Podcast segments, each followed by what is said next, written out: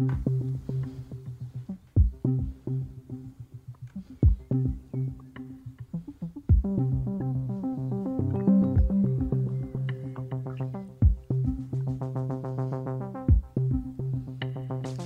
hjertelig morgen, Nikolaj.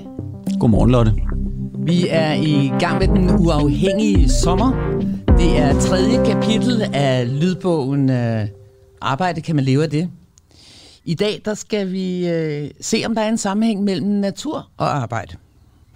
Og derfor har vi inviteret øh, på telefon fra ferie øh, seniorforsker i biodiversitet, her Rasmus Ejernes. Tusind tak, fordi du ville stå op her til morgen. Tak fordi jeg må være med. Ja, det er en skøn morgen, ikke? Det er en vidunderlig morgen, og jeg har simpelthen taget gummistøvlerne på, og så er jeg listet ud i sommerlandet her på vej ned til havet, som er helt stille, tror jeg. Okay. I går der talte vi faktisk om øh, naturen som det skønne, og det der kunne gøre os til hele mennesker, hvis der findes sådan noget. I dag der bevæger ja. vi os lidt ud med, med gummistøvlerne i det barske. Vi vil gerne vide, om vi kan lære noget af naturens måde at tænke på. Altså kan vi øh, for eksempel arbejde smartere, hvis vi bliver inspireret af natur? Øh, og, og så øh, kommer jeg til at tænke på, hvem der egentlig arbejder for hvem. Er det vores illusion, at vi mennesker hersker over naturen, og at den i virkeligheden kan tage eksistensen fra os med et vingesus? Øhm, ja. Jeg kunne godt lige tænke mig at introducere dig ordentligt, sådan, så øh, jeg, jeg har det jo sådan, jeg vil helst være den dummeste i lokalet. For ellers er man jo omgivet af idioter. Så øh, jeg, øh, jeg er rigtig, rigtig glad for, at du er med. Jeg synes jo, du er en af de mest øh, interessante debattører omkring øh, natur.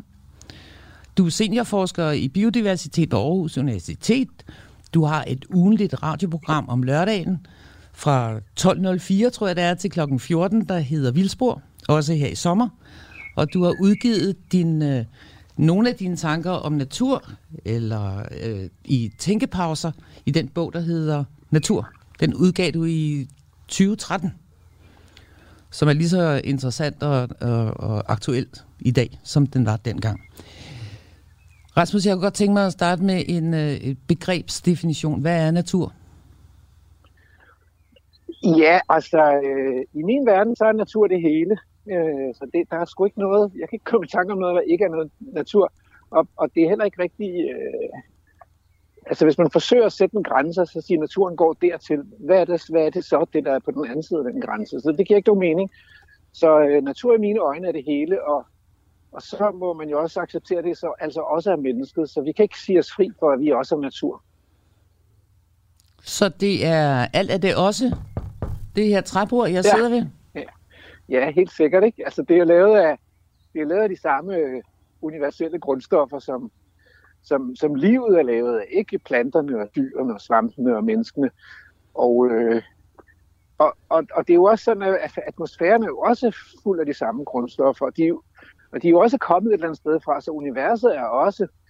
Så, så det giver ikke rigtig, og der er energi, og der er stof, og det, det giver ikke rigtig nogen mening at sætte en absolut grænse og så sige natur det her til.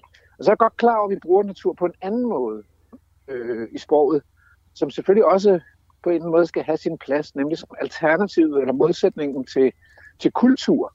Altså så, så det, men, det menneskelige og den menneskelige kultur bliver sådan en modsætning til, til, til den vilde og ukontrollerede og udyrkede, ukultiverede natur. Og, og det er også en, tænker jeg også, at kan være en meningsfuld måde at bruge naturen på. Den, som biodiversitetsforsker, så bruger jeg den jo også hele tiden på den måde. Øh, så der, der, det er naturligt, det er det, som vi mennesker ikke har blandet os i. Men, men altså, det, er, det er jo et paradoks, at man på den ene side kan, kan være adskilt fra naturen som menneske, og så samtidig være en del af naturen. Det, er jo et, et vanskeligt paradoks at, at kapere. Vi talte lidt om det i går, øh, hvor, hvor Ben Meyer Sørensen siger, at mennesket adskiller sig fra naturen, fordi det har mening og intention, og det har naturen ikke, tror jeg, hvis vi, nu skal jeg passe på, hvad jeg siger, øh, men, men nogenlunde det, at vi har en bevidsthed, og det har naturen ikke. Mm-hmm. Hvad siger du? Det, hvad, hvad, hvad er din holdning til det? Jamen, det, det, det, det er der meget fornuftigt i, at øh, altså, at livet adskiller sig fra naturen på en eller anden måde, ikke ved at, at, øh, at at livet er blevet adskilt. På et eller andet tidspunkt blev den der urcelle, som er grundfader til alt liv på jorden. Ikke? Vi, alt liv på jorden kommer ligesom fra den samme, fra den samme første celle. Ikke? Vi kan tilbage til den samme stamfader.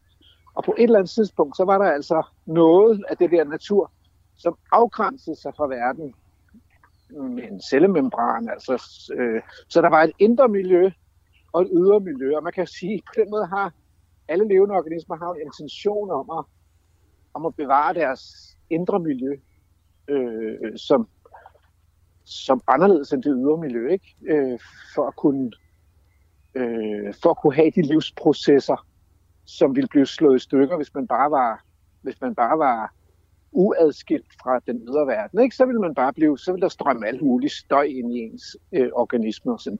Så alle organismer har den der intention om at forblive adskilte på en eller anden måde fra, fra den fysiske, kemiske omverden, som vi lever i.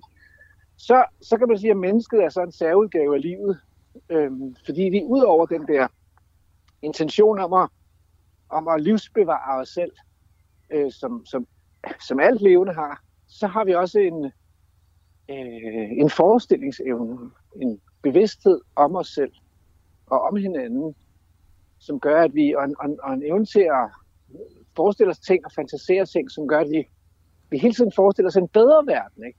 En, en anden verden, et, et, et, et, e, et andet liv. Og den der, og det tænker jeg, adskiller sig fra alt alt den anden, alt den øvrige natur. Så det er på en eller anden måde vores evne til at sætte forskel i verden, der gør, at vi ikke bare er natur? Ja, og, det, og den der forskel i verden, tænker jeg egentlig er fælles, fælles kendetegn eller fælles træk ved, ved alt det levende liv. Mm. Men, men der er bare det ved det, ikke? at et, et æren er bare enormt god til at være æren. Man kan ikke forestille sig, at der er noget andet end et æren. Men så vi mennesker, vi kan både efter, vi kan køre biler, vi kan flyve, vi kan sejle, vi kan konstruere verden og sådan noget. Det kan æren sgu ikke, altså. Øh, de, de er bare æren. Øh, og vi kan lave kunst og skrive bøger og sådan noget. Så, så vi har på en eller anden måde øh, transcenderet os fra den øvrige natur i kraft af vores, i kraft af vores forestillingsevne. Øh, og skældneevne, ikke? Vi skældner også mellem godt og ondt. Det gør ærenet ikke, altså. Der, der er bare liv, ikke? Det, der er ikke... Når den plønder en, en, en, en fuglerede og æder alle æggene eller ungerne, eller hvad det nu finder, ikke, så er det bare en måde at være æren på. Det, det er ikke hverken godt eller ondt. Det er ligesom hensides. Jeg skal lige spørge øh, øh, lytteren, hvis der er nogen, der har lyst til at spørge Rasmus om noget, så kan man øh, sende en sms på 1245, mellemrum, D-U-A-H. Jeg har et lidt spørgsmål til det der med bevidsthed. Øh, nu ved jeg godt, nu skal vi jo tilbage til det der med arbejde og, mm. og, og natur. Men, men og det, det er jo lidt for at tage det sidste spørgsmål først i virkeligheden, fordi du siger, at øh, øh ærnet ikke gør det ondt eller godt, eller tænker på at samarbejde. Men hvem arbejder for hvem? Jeg har det jo sådan med min hund en gang imellem, at den, øh, den tåler mig den prøver at kommunikere så godt den overhovedet kan med mig, men, men jeg forstår jo egentlig ikke andet, end at den gerne vil ud og tisse. Jeg tror, den, ja. den er sammen med mig, fordi jeg har en bil, og vi kan køre ud, og jeg skaffer den mad, og den behøver ikke at sove øh, i regnvejret, men den kan få lov til at sove i sengen. Og, altså, den, den, den prøver at kommunikere meget mere, end jeg forstår. Fordi jeg er måske i virkeligheden ikke det store tænkende menneske, men, men bare en ikke så dygtig. Ja, ja, vi, det er jo ikke mig, der har lavet bilen jo. Så, så har du nogle tanker om den der, hvem der arbejder for hvem? Jeg så en dokumentar i går, hvor, hvor øh, Michael Poland, som er journalist, amerikansk journalist og forfatter, han snakker om, at hvis kartoflen ikke var kommet til Irland og Europa, så havde vi aldrig fået industrialisering. Fordi der er så meget næring i kartofler og, og korn og sådan noget, er svært at dyrke at vi havde ikke haft kræfter til at stå på fabrikkerne på den måde, som vi gjorde. Ja, og det er jo, altså, det er jo rigtigt nok, at der, der, der, jeg synes, der er flere ting, det du siger. Altså, hvis vi tager kartoflen først, så kan man sige, at, at vi, altså, godt nok er vi fantastiske, godt nok kan vi forestille os verden og sådan noget, men vi kan ikke, vi kan ikke forestille os noget, der ikke findes, så vi bliver nødt til at, tage udgangspunkt i det, der er. Vi, på den måde er vi prisgivet den her klode og dens klima og dens naturressourcer. Og så må vi så finde ud af at udnytte dem så godt, som vi kan. Øh, og jeg, jeg tænker, de første mennesker, der kom til, kom til Europa, de havde jo et, et, et forrådskammer. De var bestemt ikke veganere. Altså, de havde et forrådskammer, der jo stort set bestod af store kæmpe dyr, som, som var der året rundt, både øh, om sommeren og om vinteren. Og det betød jo, at, at selv i den hårdeste vinter, der kunne man skyde en mammut, og så havde man mad til, til den lille gruppe af mennesker, man var i, i måske en hel måned, altså. Øh, fordi der er så meget mad og så meget kød på en mammut. Så, så ja, vi startede med at æde os igennem øh, de store vilde dyr, øh, og så blev vi landmænd på et tidspunkt. Og der er øh, ja, jeg har ikke så super meget forstand på, på landbrugskulturen og hvad betydningen har været for menneskerne. Det lyder da plausibelt, at kartoflerne har haft en stor betydning. Øh, og, øh, men det er jo også ret smart at finde en kartoffel i Sydamerika, og så finde ud af at tage den med til Europa, og finde ud af, hvordan man dyrker den, så man får et maksimalt udbytte. Øh, og det er sådan det, vi, vi gør. Vi er smarte. Vi, vi kigger på vores omverden, så tænker vi, hvad kan den bruges til? Som biolog så er jeg jo, kan jeg jo blive vanvittigt frustreret af, at folk de kigger på naturen, ikke? eller man har dem med på en ekskursion og, og viser dem et eller andet, en utrolig spændende plante, man har fundet, sådan noget. eller en svamp, eller sådan noget. Det første spørgsmål, det er, kan den spises? og det næste spørgsmål, det er, er den giftig? Mm. Oh, ja. I, stedet for, I stedet for at nyde den her fantastiske plante eller svamp, ikke? Og, at være nysgerrig på, hvad dens liv går ud på, så, er, så lyder spørgsmålet, er den, er, den, er, den, er den nyttig eller er den farlig? Ja, det første spørgsmål Fordi det er går... bare sådan, altså, vi tænker. Ja, det ja, går på, hvorvidt kan jeg bruge det til min egen fordel? Ja, hvad kan jeg bruge men, det til? Kan det ja. bruges til noget? Ja. Men hvis de stiller det spørgsmål, kan den spises, så skal du bare sige ja, det kan den. øh, og når de så spørger, om den er giftig, så siger du så, ja, det er den. Den slår dig ihjel, ja. så må de jo stille spørgsmålet det... omvendt rækkefølge, om den er giftig, og om den så kan spises. Men de defineres jo i høj grad af de spørgsmål, vi stiller til verden. Ikke? Altså, hvor, hvor åbne er de? Hvor, meget, hvor nysgerrige er vi? Og, sådan og der kan man jo godt nogle gange synes, at, at vi er godt nok meget nytteorienterede. Og det, og det hænger jo bestemt også sammen med det der arbejde. Så altså, ja, jeg vil sige, at vi, vi arbejder på naturens præmisser. Vi arbejder med det sanseapparat, vi har fået, og det forståelsesapparat, vi har fået. Men vi er godt nok, vi har godt nok været effektive til at underlægge os under, underlægger os den der levende verden, som vi lever her sammen med, ikke? Det planterne og dyrene og svampene. Altså, der er jo ikke nogen, nogle af de der store, vilde kæmpe dyr. Altså, vi har udryddet elefanterne fra Europa, og vi har udryddet dem fra Nordamerika og Sydamerika. Øh, stort set udryddet dem, udryddet dem fra Asien og Afrika også, ikke? Sammen med næsehundene. Det har virkelig været, de der kæmpe dyr har jo virkelig været på alle jordens kontinenter, undtagen Antarktis. Vi har bare udryddet dem, så vi har i den grad sat et kæmpe fodaftryk på, på den levende omverden. Gør det noget? Så jeg vil sige... Hvad gør, du? Gør det noget? Altså, ja, altså det, det gør jo verden... Altså... altså, hvis vi ser det fra et nytteperspektiv, så gør det vel ikke alverden. Altså, de er jo ret besværlige, sådan nogle store dyr at leve sammen med. Det er jo smartere med sådan en lille hund, man kan køre rundt med sin bil og have sin hestseng og sådan noget. Altså, de store vildlevende dyr er jo bøvlet. Øhm, og vi klarer os jo udmærket med kartofler, så hvad fanden skal vi med næsehorn og elefanter? ja. Så det gør, det gør kun noget i, i skønhedens, øh, skønhedens perspektiv, altså at, at jamen, øh, altså de, det er jo så, de første hulemalerier, ikke den første kendte kunst fra menneskets hånd, forestiller jo de her kæmpe dyr. De forestiller jo elefanter og næsehorn.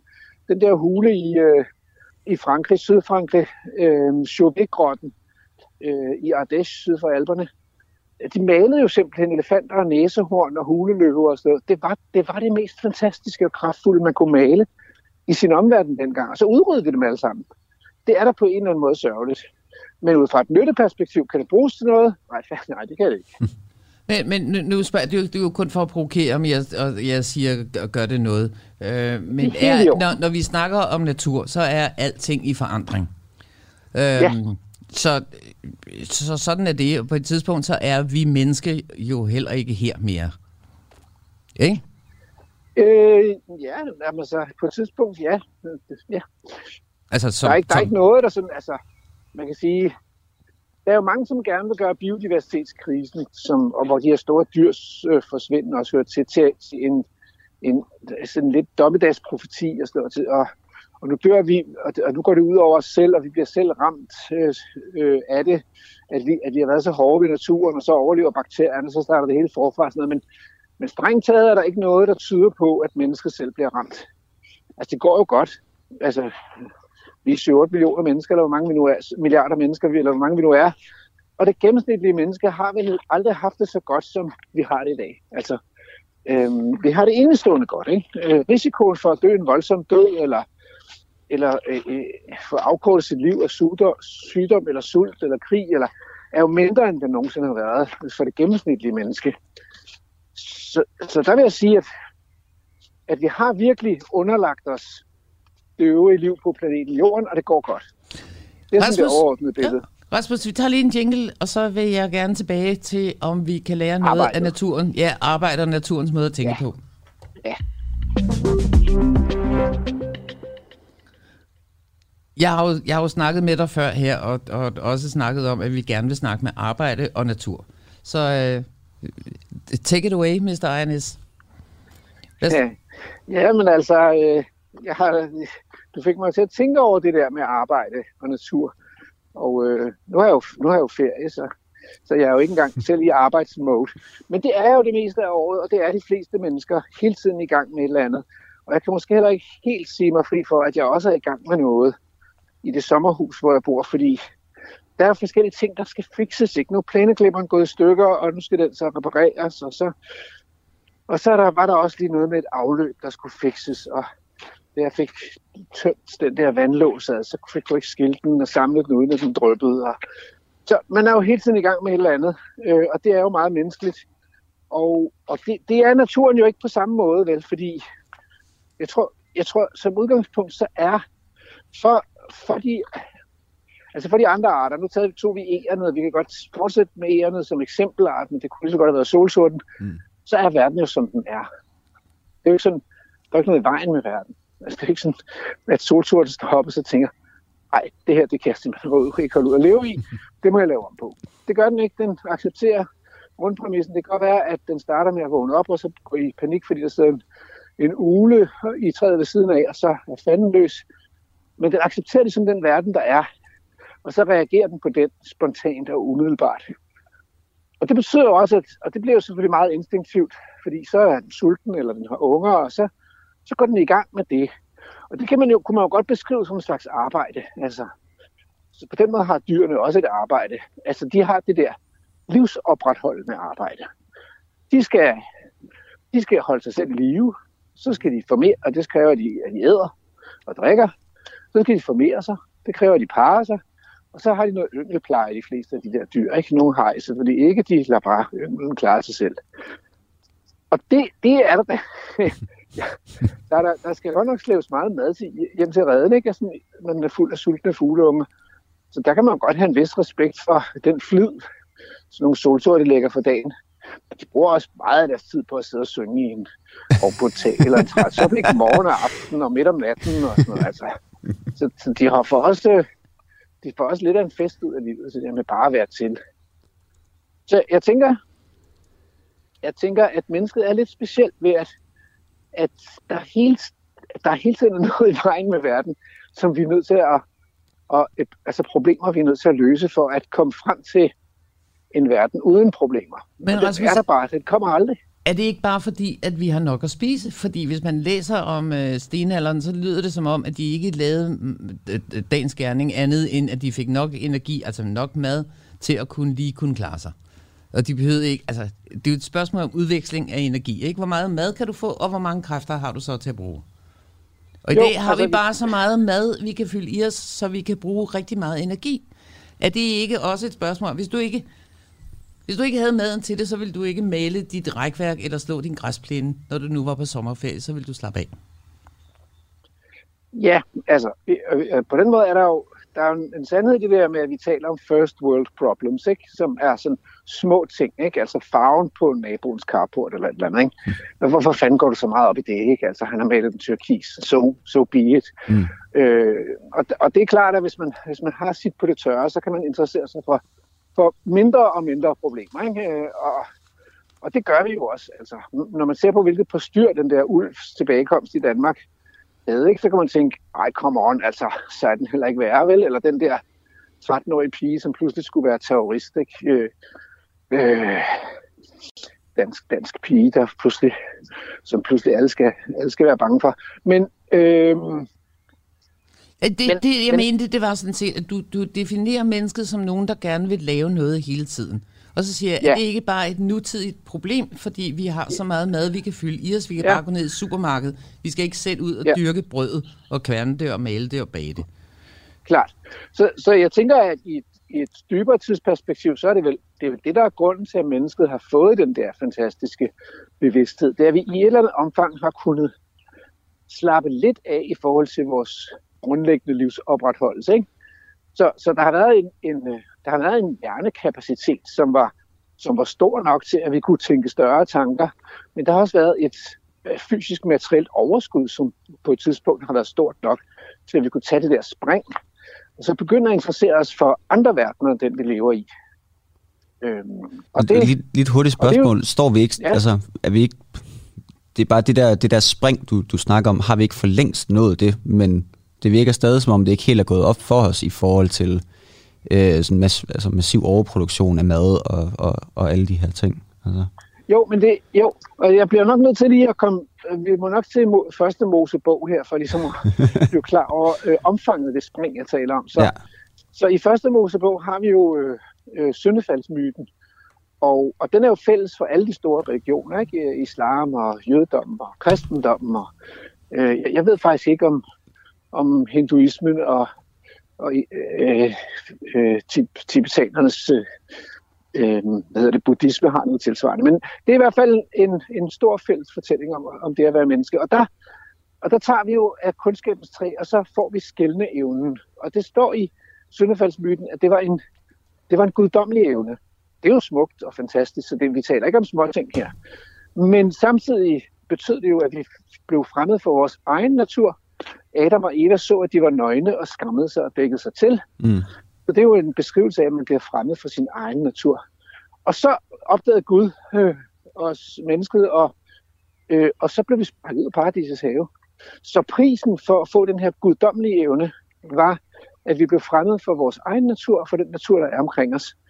Og så det, det er det spring, jeg taler om her. Mm. Skældneevnen er jo evnen til at skælne mellem godt og ondt det er også evnen til at skelne mellem nyttigt og skadeligt og gavnligt og, øh, og problematisk og sort og hvidt. Og det, det er den evne, som har gjort os i stand, i stand til at få et sprog.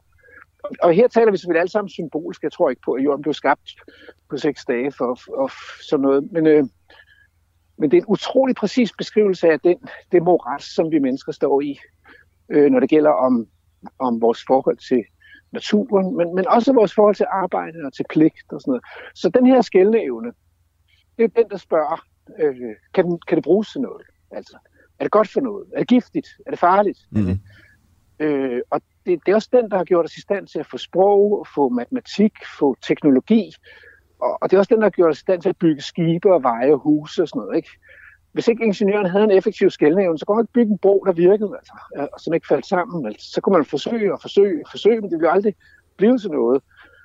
Øh, så det er virkelig en guddommelig evne, men det er også en hård hund, som sidder på vores skuldre, som når vi vågner om morgenen, så starter den med at sætte sig på skuldrene af os, og så spørger den hele dagen, om det kan bruges til noget, om det er godt, om man har gjort en forskel, om, Øh, og det er også den, der gør, at jeg ikke kan slappe af i den der sommerhushave, fordi der er hele tiden noget, der skal ordnes, og noget, der skal laves, og øh, så skal hækken klippes, og så skal indkørslen klippes fri, så, så brandvæsenet kan komme ind. Altså hvis det nu skulle komme en brand, eller, eller hvad ved jeg, ikke? Øh, så det er virkelig... Og jeg tror ikke, man kan, man kan ikke forstå arbejdet, uden at forstå den der skældende evne. Altså. Øh, det, det er et eksistentielt problem, at vi, at vi har fået, men det er også en fantastisk mulighed. Så det kan både være en, en, en god ting, når du snakker om en bro, men det kan også være en dårlig ting, fordi øh, hvad skal vi sige, græsplænen er ikke pæn, når den er lang. Eller, fordi man aldrig, fordi vi bare aldrig kan slappe af. Altså, fordi det var jo den alternative mulighed, når nu vi havde så mange ressourcer og så, og så mange muligheder, og, og ikke behøvede at kæmpe for livet. Det kunne også være, at man slappede det af, altså. at man opdagede, at det var okay at sætte sig ned til stranden og kigge på, kigge på havet og gøre ingenting. Det er jo sjovt nok, at det, det, vi har jo den længsel, så, så mennesker tager jo til stranden, fordi at når man kommer ned til kysten, og nu går jeg her langs med havet i dag, så er der jo ikke noget at gøre. Altså, jeg, kan, jeg, kan godt, jeg kan godt kæmpe til at flytte rundt på stenen her på stranden, men det kan jo ikke, det giver jo ikke nogen mening selv. Jeg kan jo ikke få det til at give mening. Så det vil sige, at der kan man være lidt mere fri. Ikke? Og, og, og, og den person, der siger, at han ikke kan finde mening i øh, at sparke til en sten, det er Rasmus Ejernes. Han er seniorforsker ved Aarhus Universitet i biodiversitet, og han, øh, han er øh, skribent, og du har radioprogram, og du har været med i, hvad var det for et, et tv-udsendelse, du var med i med de vilde haver og biodiversitet? Ja, Giv os naturen tilbage, tror jeg, den hed første, første, ja. første serie der. Ja, jeg er også vild med det der med, med begreber, at vi bruger begreberne i, i et væk, uden rigtig måske at vide, hvad det handler om. Så når du nu er seniorforsker i biodiversitet, kan du så ikke fortælle, hvad biodiversitet er? Jo, biodiversitet er jo øh, variationen i liv. Øh, og det er meget skægt, fordi variationen i liv er jo forudsætning for, at der også kan ske udvikling over tid. Hvis der ligesom bare kun var én livsform, som kun var på én måde og ikke havde noget variation, så ville den ikke kunne udvikle sig. Så kunne man forestille sig sådan en klode, der var omsøgt af sådan en eller anden grålig amøbe, ikke? hvor der bare aldrig skete noget. Men, men fordi der er variation, så er der også mulighed for, at, at der kan opstå små forandringer, og at livet kan selektere i den variation. Og pludselig så har man så to livsformer. Ikke? Og det er det, der så i livets øh, evolution og, og forløb er blevet til millioner af forskellige livsformer, som vi så kalder arter. Men inden for arten er der også variation. Man kan bare kigge på sine medmennesker. Ikke? Vi har variation i de to køn, men vi har også variation i hårfarve og øjenfarve og højde og drøjde. Og, øh, så det er jo biodiversitet, øh, den her variation. Der er, ja, undskyld, der er, øh, jeg kan huske på vores, vi har sådan en, en intern, øh, hvad hedder sådan en redaktionsside her. Ja, redaktionslokalet. Ja. Det er dem, der har lyst til at være medlemmer og støtte os. Og der var nogen, der spurgte, fordi de så, at vi skulle lave et program om øh, arbejde så siger de, og det er lige præcis det, du snakker om nu, så siger de, hvorfor er det sådan, at det kun er de ekstroverte, der får lov til at bestemme, hvordan øh, arbejdsmarkedet er. Også introverte, vi kan slet ikke følge med, fordi det er noget med at være øh, øh, hurtig til jobsamtalen og følge med og fleksibilitet og kunne øh, udtrykke sig. Og, øh, øh, øh og, og det er jo en, en form for mangel på respekt for biodiversiteten, er det ikke? Ja, jo, det kan man godt sige. Altså, altså hele arbejdsmarkedet går jo ikke ud på at respektere variation eller mangfoldighed. Det går jo ud på at det går ud, ud på at producere og, og skabe forbedringer ud fra i, i, i skældne, øjne, skældne evnens øjne. Ikke? At, at nu blev verden en lille smule bedre, fordi jeg gik på arbejde, og jeg ydede det her, jeg lavede det her, og jeg omskabte verden. Man kan jo sige, hvis man skal, det er måske at simplificere, ikke? men Måske er forskellen på introverte og ekstroverte, det er, at introverte er en lille smule mere kontemplerende. Øh, altså det vil sige, de har, de har en lille smule mere accepteret, at, at grundlæggende er verden jo simpelthen sådan, som den er. Og det, og det er svært egentlig grundlæggende at lave om på. Så hvis man nu virkelig skal skabe nogle gode forandringer, så skal, kan det måske en fordel at tænke lidt over det først. Ikke? Fordi ellers så kan det godt være, at man bare, man bare skaber noget mere materielt forbrug eller et eller andet. Altså, det kan måske godt sælges, men men det er jo ikke sikkert, at det egentlig gør verden til et bedre sted at være. Mens de ekstroverte, de er i stand til at producere en masse på kort tid, og, og få, få gjort noget, og få udrettet noget, og få nået nogle, nogle virksomhedsmål og sådan noget i en fart. Og det bliver man jo, og, og der er sådan en, og her kan man, kunne man måske godt altså øh, trække på, på de der øh, vise, vise østerlændinge, ikke? Øh, som, øh, som har forstået, at, at den her skældnævn, den konstituerer også egoet, altså selvfølelsen. Så det der med at føle, at man er noget og er nogen, det bruger man jo også til jobsamtalen, ikke? At den bliver faktisk, den bliver faktisk skabt af den her øh, konstante arbejdsomme skældneevne, som jo øh, hvor, som tvinger en til at lave verden om, men som også giver en en følelse af at være nogen. Det er mig, der det er mig, der er Rasmus, det er mig, der har et radioprogram, det er mig, der er forskeren, ja, det er mig, der har en PhD, det er mig, der, det er mig, der er klogere end de andre, eller sådan. så får jeg sådan, så vokser mit ego og bliver stort og fyldigt og sådan noget. Så kan jeg gå til næste jobsamtale eller mm. til en lønforhandling og sige, prøv at høre, se hvor god jeg er, se, wow. Og se, hvor meget bedre jeg er end alle de andre, der søger samme job som mig. Altså. Ja, ja, præcis ikke. Og den udfordring, vi ligesom følger med det her, ikke, det er, at, at jo mere man selv fylder i den der øh, selvforståelse eller beskrivelse og sådan noget, jo sværere er det at få øje på noget af det, der er omkring en. Øh, for eksempel skønheden i verden. Så når man så, når man så endelig blev statsminister, så har man godt nok kørt længe på det der ego, og det har vokset sig enormt stort, og man har fået en forståelse af, at man selv er altså universets gave til menneskeheden, ikke? Og, og at, at man, man selv er der for at gøre verden til et bedre sted, ikke? Og det der store ansvar, den der store fyldige person, den der store og sådan noget.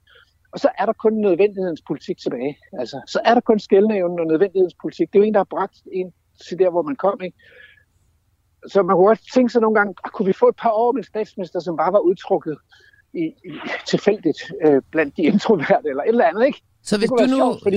så du, hvis du nu blev statsminister, hvad var, var de første tre ting, du så ville gøre?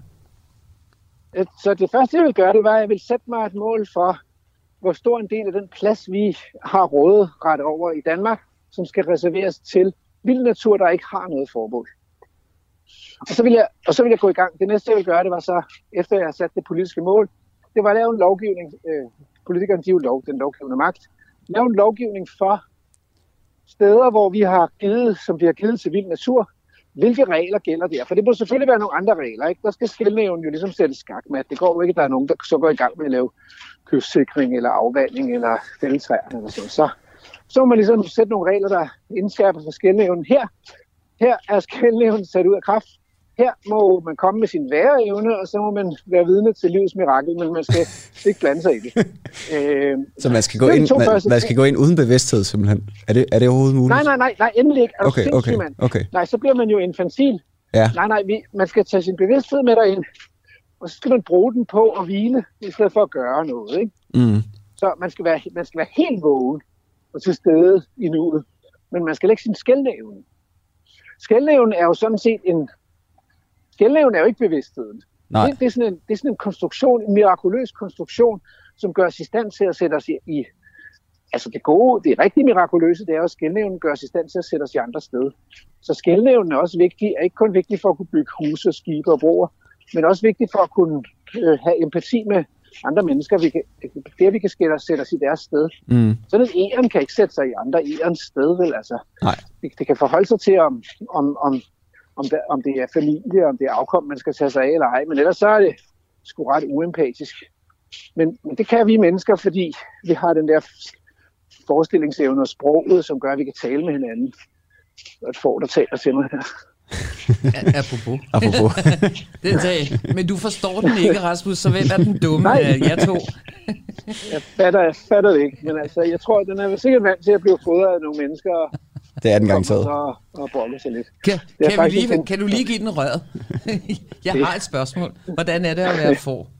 Øh, øh, Rasmus, øh, når du siger det der med... med jeg, nu kan jeg ikke lige huske, hvorfor jeg kom til at tænke på det, men, men det der med skældnævne, jo. Når du nu ja. sidder på arbejdet, og du har arbejdet på, øh, lad os sige, du har arbejdet på en rapport om biodiversitet, og du går op og, og afleverer den til din chef, som, øh, nu, nu har vi et hypotetisk eksempel, at du har en chef, som, ja. som måske ikke er lige så klog som dig, og han siger, det er en virkelig dårlig idé, du har der, Rasmus. Så bruger ja. han jo sin skældnævne, men han er desværre ikke lige så klog som dig, så hvad gør du så? Hvad gør vi med chefer, der ikke forstår, at du faktisk øh, har en rigtig god idé? Er det foråret, jeg snakker det, det, det, det, det er et universelt, universelt problem med de der skide chefer der. Jamen altså, det, er jo, det skaber jo ufrihed, når der er andre, andre der vil blande sig i ens, i ens suveræne afgørelser. Og, øh, og det tror jeg, at mange mennesker oplever, at de må slås med den der ufrihed, ikke? Og, og forkerte beslutninger og sådan noget. Det kan jo være en chef, det kan også være det kan også være en, en, en partner, eller det kan være myndighederne, det kan være et eller andet, som sådan griber ind i ens liv. Øh, Har naturen dårlige idéer og, og gode idéer? Om naturen får dårlige og gode idéer? Ja, det ved jeg sgu ikke. Der, er jo, man kan godt, der kan godt være dyr, der træffer forkerte beslutninger. Øh, men de træffer dem jo selv. Altså, øh, altså, der kan jo også... Ja, der kan godt være en dyreflok, hvor der er en alfahan eller en alfahund, som, som jo, hvad kan man sige, leder hele flokken ud i noget, der ikke fungerer. Ikke? Altså øh, beslutter sig for, nu bliver vi her, nu går vi ingen steder, og så dør de altså med sult, fordi der ikke var mad nok. Øh, så den type af forkerte beslutninger, tror jeg også godt, man kan finde hos, hos dyr og planter, sådan set. Øh, så jeg ved sgu ikke, og, så jeg tænker, det er lidt, det er lidt vilkåret ved organisering af arbejdsmarkedet, ikke? At, at, at vi afgiver suverænitet for at kunne bygge samfund. Og det, øh, man kan sige, det gør vi jo i Danmark. Vi afgiver suverænitet til nogle få mennesker i Folketinget, som så vi har været med til at vælge dem, ikke? men så er det så okay. Så træffer de så beslutninger på vores allesammens vegne, og de kan lave noget lovgivning, der gælder for mig og dig. Så jeg tænker, det er lidt et grundvilkår også ved arbejdsmarkedet, at, at på en arbejdsplads afgiver man suverænitet til de der ledere. Men jeg synes godt, man kan stille spørgsmålet om, det er den rigtige måde, vi afgiver suverænitet. Og, og hvis vi kommer tilbage til det der med egoet og hvor meget man selv fylder, så kan man godt nogle gange have den der oplevelse af, at en chefer er blevet chefer, ikke fordi de var særlig egnet til det, men fordi de, var, fordi de ligesom havde ego nok til at gå op og, og pege på sig selv, da der skulle vælges en chef. Ikke? Så Rasmus, hvor, lad, os lige, kan... undskyld, lad os lige tage en uh, jingle, og lad os kigge ud over havet eller op i himlen i et øjeblik, og så komme tilbage til egoet. Jeg kunne godt lige tænke mig at spørge angående havet og himlen. Rasmus, kan du, kan du ikke lige beskrive, hvor det er, du, du står hen? Du siger, at der var nogle får, og der var en strand, og hvor står du hen lige nu? Ja, altså jeg står i øh, Odsherred, øh, oppe i Sejøbugten øh, i Vestjylland. Og når jeg kigger ud over havet her, som jo er helt stille, mm. øh, så kan jeg se øh, Nækslø foran mig, og til højre kan jeg se Sejø, som jo er langt væk, men står fuldstændig krystalklart. Og kigger jeg mod nord, så kan jeg se Ordrup Næs, som sådan nogle helt øh, øh solbagte, gullige, tørre øh, bakkelandskaber. Og her på kysten nu er jeg kommet til et stykke med en stenet strand. Der vokser noget strandkål og noget svinemælk hernede på stranden og nogle agersnærler. Kan man spise det? Og ude her, ja, så, man kan faktisk godt spise de der strandkål lidt tidligere på året som broccoli. Øh, det fungerer okay. Så er der nogle måger og en lille flok æderfugle ude i havet. Så det, og jeg mutter sig alene på stranden. Hvis, du, det hvis, det, hvis det var for 10.000 år siden, ville du så slå dig ned der? Ja, det kunne jeg godt finde på. Ikke? Så har der sikkert været nogle okay øh, muslinge ressourcer med muslinger, ikke? Og, øh, og der er også en vis chance for, at, at der vil komme græsne dyr ud, som man kunne jage herud til stranden og, og æde og finde mineraler i vegetationen. Øh, og der er jo lys, lysåbent langs med stranden, og det lokker jo også dyr til. Så, så, så sådan en kyststrækning her, den vil jo være super, super fin som sådan et ressourceområde for sten eller menneske. Lad os komme tilbage til egoet. Har du et stort ego, Rasmus? Et godt spørgsmål at spørge. Jeg ved ikke, om man selv ligesom kan svare på det. Øh, jeg øver mig lidt i at øver mig lidt i at opdage, hvad jeg, er, hvad jeg også er ved siden af mit ego. Og det er jo sådan en slags, så skal man ligesom have egoet til at træde lidt til side, for at man kan opdage sin, øh, måske sin lidt dybere eller lidt mere oprindelige natur. Øhm, Taler du nogensinde med dig selv? Øh, ikke, ikke, jeg går ikke altså med at, at føre, føre øh, højlytte samtaler med mig selv. Jeg tænker på i sætningen, det der med, at jeg taler med mig selv. Hvem er jeg, og hvem er mig selv? Ja, det ene må det være egoet, vil jeg tro. Nej, altså, ja, åh, ja. Ja, altså, undskyld. Ja, jeg tror er vi, nok, vi er for langt ude i landet. Vi skal tilbage igen. ja, hvis man var egoløs, så tror jeg nok, at sproget ville forsvinde. Så, så, øh, men, men der ville stadigvæk være vågenhed. Vi skal tilbage til ego og arbejde. Ja. ja.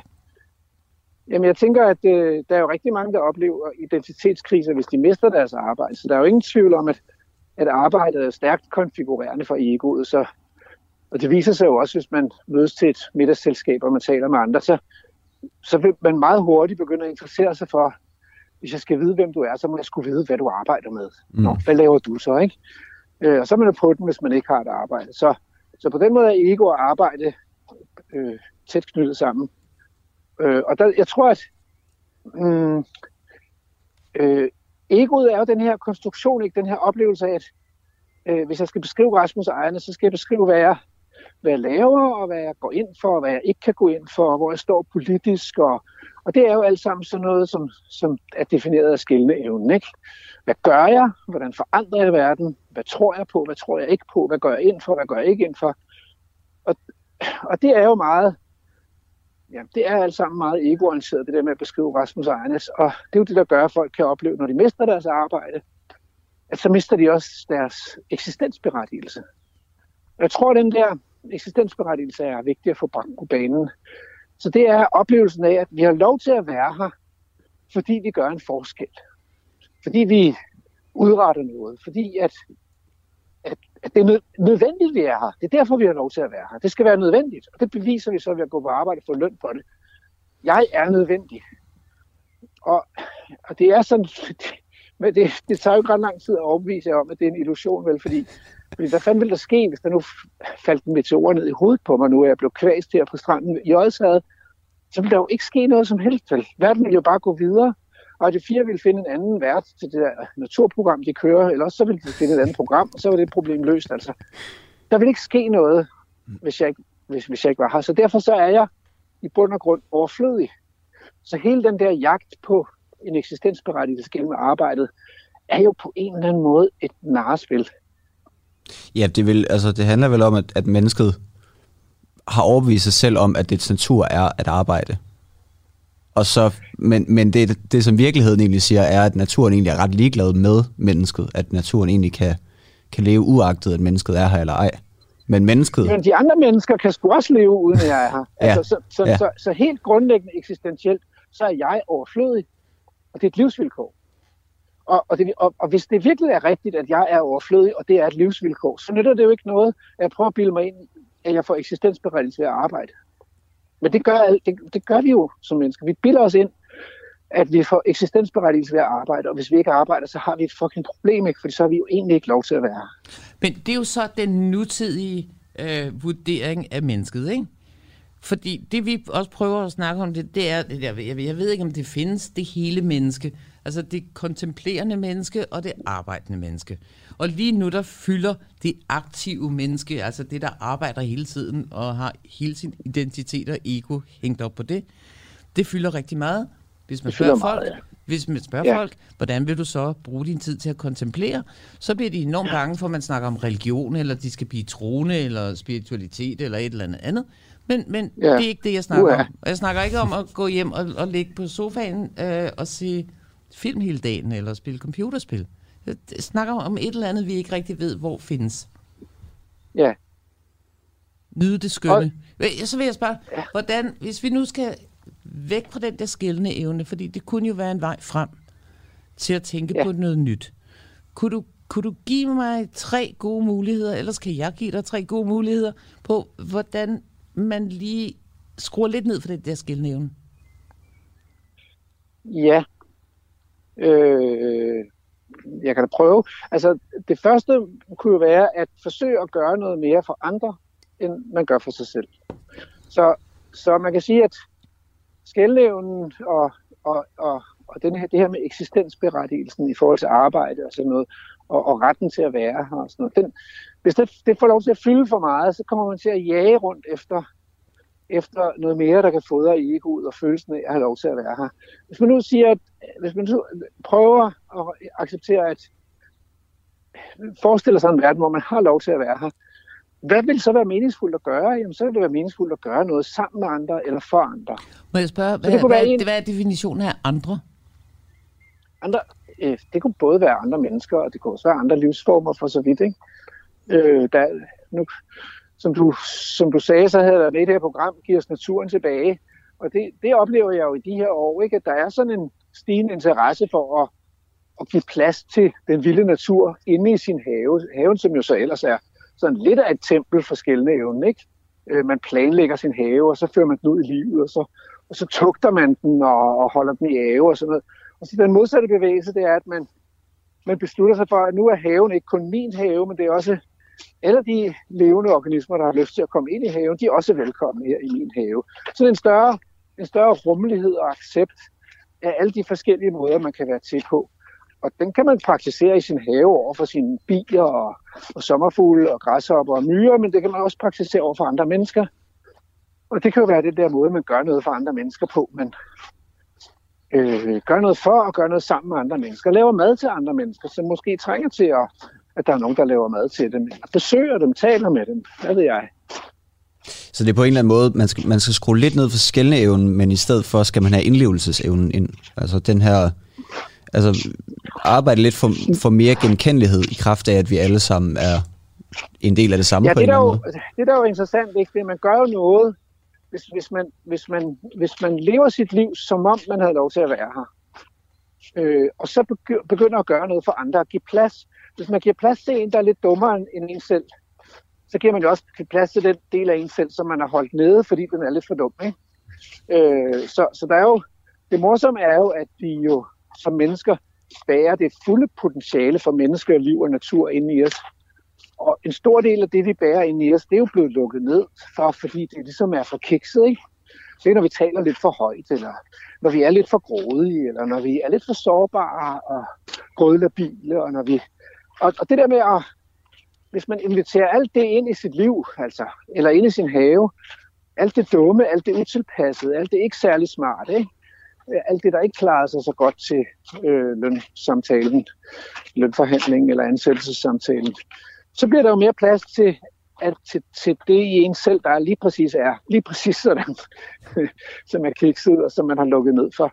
Så, så, så det bliver også, det er også en øvelse, det der med at, at give plads til noget. Jeg kan huske, at det, hvor jeg, det, hvor jeg bor nu, der, der, var der, der var der sådan en kvinde, der var psykisk udfordret, det kan man roligt sige. Så hun havde svært ved at holde sit hjem rent. Det, det, det var ubeskriveligt, det der hjem. Ikke? Og hun havde svært ved også at holde sig selv rent, og hun, hun var ryger, og hun, og hun kom på besøg i, i det der hjem, og det var min kone, der begyndte at invitere hende indenfor. Og jeg tænkte bare, fuck man, hende slipper vi aldrig af med igen. altså, og det var vel sådan en forestilling om, at når hun først kom ind i vores fantastiske hjem, så ville hun jo ikke gå hjem til sig selv igen. Så ville hun bare blive hængende, mm. som sådan en pestilens, ikke? Men det, der i virkeligheden skete, det var, at hun kom på besøg. Så var hun der i kvarters tid, så kunne hun ikke holde ud at være der længere. Så sagde hun, nu går jeg, og så rejste hun sig, så gik hun. Og for det første, var det jo befriende, at, at den der farvelceremoni ikke skal vare tre kvarter, som den jo nogle gange kan, hvis man er sammen med uh, almindelige velbegærede mennesker, så kan man ligesom ikke få sagt farvel og komme ud af døren, men det, det gik bare. Og det andet, det var, at da hun så var gået, så havde den der meget, meget levende oplevelse af, at der var mere plads end i mig selv. Altså, at, som jeg kunne bedre trække vejret. Mm. Og hvorfor? Det var fordi, jeg havde lige accepteret noget, som jeg, som jeg havde en, en instinktiv impuls til at afvise. Så jeg tror... Øh, så det, det er på en eller anden måde, med, altså, du har på en eller anden måde lukket noget, noget, der har været fremmed for dig selv ind i dit liv? Er det, er det sådan, ja, det skal noget, der har været, ja, noget, der har været afvist i mit liv, det ja. har jeg givet plads til at acceptere. Og jeg tænker, det, det er måske det, en af de store grundlæggende udfordringer for os mennesker, det er, at egoet er konstitueret af alt det, vi har valgt til, og alt det, vi har valgt fra. Så hvis man skal slippe det, så skal man også i kontakt med alt det, man har valgt fra, for at blive den, man er. Eller tror, man er. ja. Rasmus, jeg har, øh, der, der, der danner sig et, øh, et, et uh, dilemma i mit hoved. Hvis du nu stod over for øh, den sidste brændnællemark i verden, der er ikke ja. flere brændnællemarker, hedder det, end øh, den fodboldbane, du står overfor. Og, ja. øh, og det er dit liv eller brændnællemarken? Satans brændnæller. Øh, hvad, hvad vælger du så? Tager du dit eget liv, eller lader du, øh, eller lader du øh, brændnællerne brænde af? Ha. Jeg tror, jeg, øh, jeg har så meget selvopretholdelses, at jeg vil, at jeg vil vælge mit eget liv frem for at ofre mig for brændnælderne. Det må jeg sige. Øh, det, det vil være lidt mere, altså, jeg, jeg kunne måske ofre mig for min, min elskede eller mine børn, ikke? Øh, man skal jo passe på, hvad man siger, før man står i situationen. Jeg tror selv opretholdelsen, altså det er jo også den, den ligger jo dybt, fordi den har ærende jo også. Det er jo ikke sådan en, det er jo ikke sådan en overfladisk ting, det der med at, for, at forsøge at, at holde sig selv i live. Det var kun fordi, du sagde lige, det var så flot, du sagde før, hvis der var en meteor, der ramte ned i hovedet på dig, så var det jo ligegyldigt. Det, ja. Og så tænker jeg jo, at øh, er det ikke noget med brændnælder og sommerfugle og æg og larver, og så har vi ikke nogen sommerfugle tilbage? Det er fuldstændig rigtigt. Et biodiversitetsperspektiv, så vil det bedste, den bedste beslutning, det var at ofre mit eget liv, og så sikre, at den der art, som netop er, altså stor nælle, øh, eller brændenælle, er jo værtsplante for nogle af vores allersmukkeste sommerfugle, Nelle, takvinge, admiral, dagpåfugle og øh, Nelle sommerfugl. Altså det er virkelig en perlerække af store smukke sommerfugle, hvis laver kun kan spise store Nelle. Så det er jo ikke ligegyldigt, når den sidste store Nelle forsvinder. Så hvad er det øh, endelige svar? Er det brændnælderne, eller er det dig selv?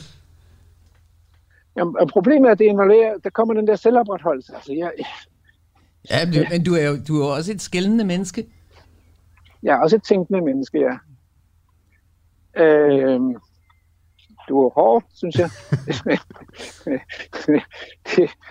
jeg vil ønske, at jeg vil vælge at lade brændinælderne overleve på jorden. Det vil jeg ønske, men jeg er ikke sikker på, at jeg vil gøre det i praksis.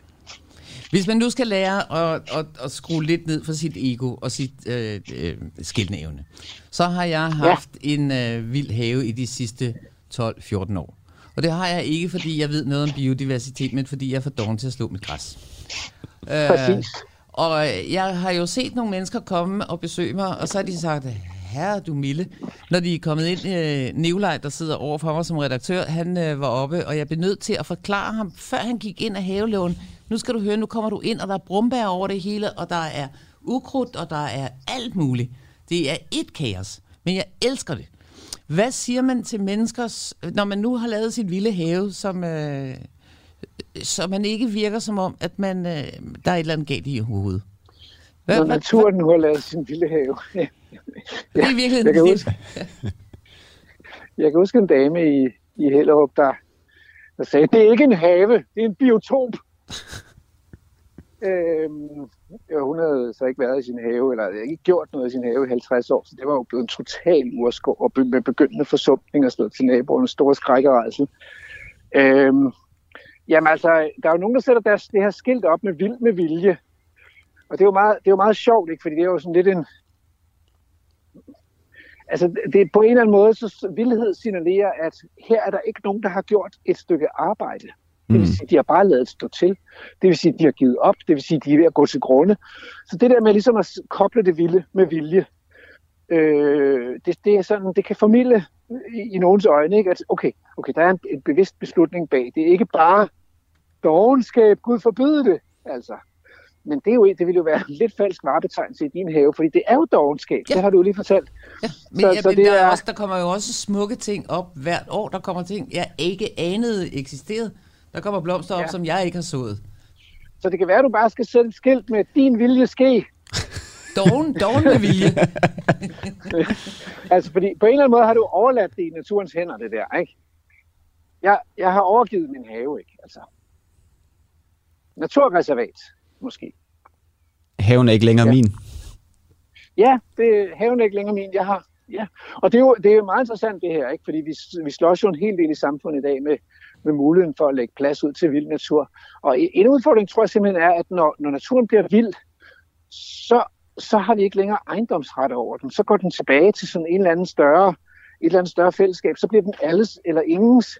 Det er også derfor, at folk aldrig smider deres affald på en græsplæne, fordi de er sikre på, at der er nogle mennesker, der har den og ejer den. Men de smider det heller i naturen, fordi det, det er jo ingens. Så herregud, det er der jo ikke nogen, der kan have ondt af, vel?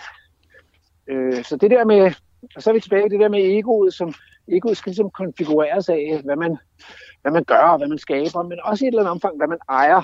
Fordi det, man så har arbejdet med, den natur, man har bearbejdet, den er så blevet til min, fordi jeg har arbejdet med den. Så kan jeg kalde den min, så kan jeg se ejendomsret over den. Øhm, og det er jo selvfølgelig et skræmmende perspektiv for mennesker, der er så sindssygt optaget af ejendomsret, at man kan miste den der ejendomsret ved ikke at ingenting at gøre, ved at bare lade det gro vildt. Det er jo faktisk det, der får nogle mennesker til at gå ind i andre menneskers haver, når de er på ferie, og så rydde op derinde. Fordi de synes, at når man ikke selv kan finde ud af at, at holde sin have, så er det helt okay at overskride det der ejendomsgæld og gå ind og, og, og gøre det for andre mennesker. Ikke? Det, det, det, altså, det er talrige, talrige historier om folk, der har oplevet. Så kommer de hjem, så har naboen skulle lige være der og ordne og, og luge ukrudtet, altså, fordi de kunne se, at man ikke selv kunne overkomme det. Så man er også, vi er også villige til at arbejde på andre menneskers vegne, når vi synes, at de ikke er i stand til at, at arbejde, fordi vi skal jo arbejde. Vi har cirka 6 minutter øh, tilbage af programmet. Øh, ved du, hvor, øh, når vi nu snakker om det der med vild natur, græsplæner, ved du, hvor det opstod henne? Nej, altså mit instinktive svar, det må, det må være i England, altså. Fordi de er så hysteriske omkring deres plæner, men, men jeg ved det ikke. Frankrig i 1600-tallet, hvor de her slots- og godsejere gerne ville øh, vise, at de havde status, og de havde mange penge. Og på det ja. tidspunkt, der brugte man jo øh, jorden til at dyrke. Og hvis man kunne udlægge et stort del af sin jord til noget, der ikke blev udnyttet til noget, men græs, så kunne ja. man vise, at man havde mange penge. Så det, ja. det, det, det, det er et statussymbol i, at jeg behøver ikke at dyrke min jord. Jamen, det giver god mening. Ja. Det er jo også en måde at vise, at man har magt og kontrol over naturen på, og det, det er jo det er jo den måde, vi mennesker ligesom markerer os og manifesterer os på. Og en stor del af det, som arbejde går ud på, ikke? Altså, det skal ligesom det skal ligesom være meningsfuldt i forhold til at gøre verden til et bedre sted for mennesker. Det sker jo næsten altid på den vilde naturs bekostning. Rasmus, øh, øh, det, det lyder simpelthen så dejligt, at du træsker afsted i... Hvad træsker du i? Hvad er det, der lyder sådan? Jamen nu, lige nu er det sådan en, øh, en øh, sten, stenet strandvold, hvor havet har skyllet de her lidt mindre sten højt op på stranden. Øh, der er fem minutter tilbage til, før du kan få kaffe igen. Øh, hvis vi nu skulle prøve at runde af og sige, hvad er det, vi har lært af Rasmus i dag omkring arbejde og natur? Kan du så... Øh, øh, skal vi prøve ja. at vikle garnnøglet øh, lidt op? Ja, hvis vi skal tilbage til det der arbejde, så tror jeg, at øh, man skal, det vil være godt for menneskers øh, øh, mentale sundhed, hvis man kunne betragte arbejdet som en lidt mindre del af livet. Ikke? Som en, en nødvendig del i forhold til at skaffe os de fornødenheder, vi har brug for. Og vi kan se under corona her, det er jo relativt få mennesker, der behøver at gå på arbejde, for at der står varer nede i supermarkedet. Så slap en lille smule mere af omkring det der, hvor afsindigt vigtigt er det nu, det der arbejde er. Mm. På og så, undskyld. Og så, undskyld. Ja, jamen så vil jeg også godt sige, at, at hvis, man, hvis vi kunne komme frem til at, at uddele øh, ubetinget eksistensberettigelse, forstået på den måde, at hvis vi nu erkender, at, vi ikke, at det ikke er nødvendigt, at vi er her hver en, men at vi egentlig er overflødige, så har vi jo brug for at få eksistensberettigelse på en eller anden måde. Så kunne man give den som sådan en generel amnesti. Prøv at høre, vi har alle sammen lov til at være her. I praksis kunne Folketinget jo beslutte, at vi, vi lavede en borgerløn. Ikke? Som, det kan jo ligesom signalere, du har også lov til at være her, selvom du ikke har et arbejde. Det er lige meget. Du har under alle omstændigheder lov til at være her, for du er et levende væsen. Altså det tænker jeg, det, det må godt blive konklusionen. Og det levende væsen kunne så for eksempel fungere ved at, at gå over til naboen og sige, ikke, ikke rydde hans have, når han ikke var hjemme, men at hjælpe med at lave mad, eller at gøre andre gode ting. Være mere ja, sådan en sang. Altså, jeg mener, vi, vi er jo også kunstneriske væsener, ikke? Så hvis, hvis, hvis der kunne blive en lille smule mere øh, kunst og, og, og, og musik ud af, at man fik sådan en borgerløn der, så ville det da, så ville det da gøre noget godt for den danske folkesjæl. Er der flere? Det var helt stille. Nej, ja, ja, hvad, hvad, hvad, Ja, men altså, øh, altså så ud fra, ud fra den her almene overflødighed, som, vi, som egentlig er kendetegnet, så har vi brug for en ubetinget eksistensberettigelse.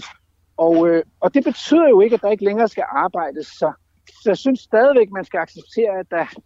Og så kunne, så kunne motivet for at arbejde, det kunne jo være en, en slags agerighed, eller det kunne også være en, en, det kunne også komme ud af kreativitet, at man fik en god idé, som man bare brændte for at realisere. Så det er jo ikke fordi, jeg på den måde vil aflyse arbejdet. Jeg kunne bare godt tænke mig, at det, at det fyldte lidt mindre, og, og, i, og nu hvor vi står over for en verden, hvor vi får mere og mere kunstig intelligens og robotteknologi og sådan noget, så er det jo også, det er jo også en konkret virkelighed, vi bliver nødt til at, at, øh, at finde et svar på, at der er mindre og mindre arbejde det, det, altså, ikke, altså, vi kan ikke, der er jo nogen, der taler om, at vi, at vi opfinder arbejde, som slet ikke findes, altså bare for at kunne fodre det der ego. Og det skal vi jo væk fra, altså. Og det er, det er jo lige det, præcis det. burde det, vi være for kloge til. Ja, men det er jo lige præcis derfor, vi har øh, inviteret endnu en øh, klog mand i studiet på mandag, som hedder Dennis Nørmark, mm. der sammen med Anders Fogh Jensen skrev øh, søvduarbejde for nogle år siden. Netop der ja, handler om, om, hvordan vi i virkeligheden bare burde arbejde 15 timer om øh, ugen. Så har vi tilfredsstillet ja. det der arbejdsgen, vi mennesker har, og, og Adam snakkede om. Og så, ja. så, men, men i stedet for, så udfylder vi tiden med en masse pseudoarbejde og projekter, som øh, overhovedet aldrig nogensinde bliver til noget. Ja, vi tror, det er nødvendigt at arbejde 37 timer. Og det er det nok ikke. Eller, det, ved jeg, det må vi jo se på mandag. Ja, det er meget interessant. Altså. Og, så, og så det der med at måske at blive opmærksom på, at en stor del af vores eksistens og den natur, vi bærer i os, den måske folder sig bedst ud gennem, en, gennem ikke-gøren. Altså noget mere væren og noget mindre gøren vil gøre det nemmere at komme i kontakt med den natur, som vi inderst inde også er. Det vil være godt for os. Rasmus, øh, det er lige før, vi skal takke af fra i dag. Du har brugt en time på at snakke med os, og det er jeg øh, utroligt taknemmelig for. Hvad siger du, Nikolaj? Ja, meget.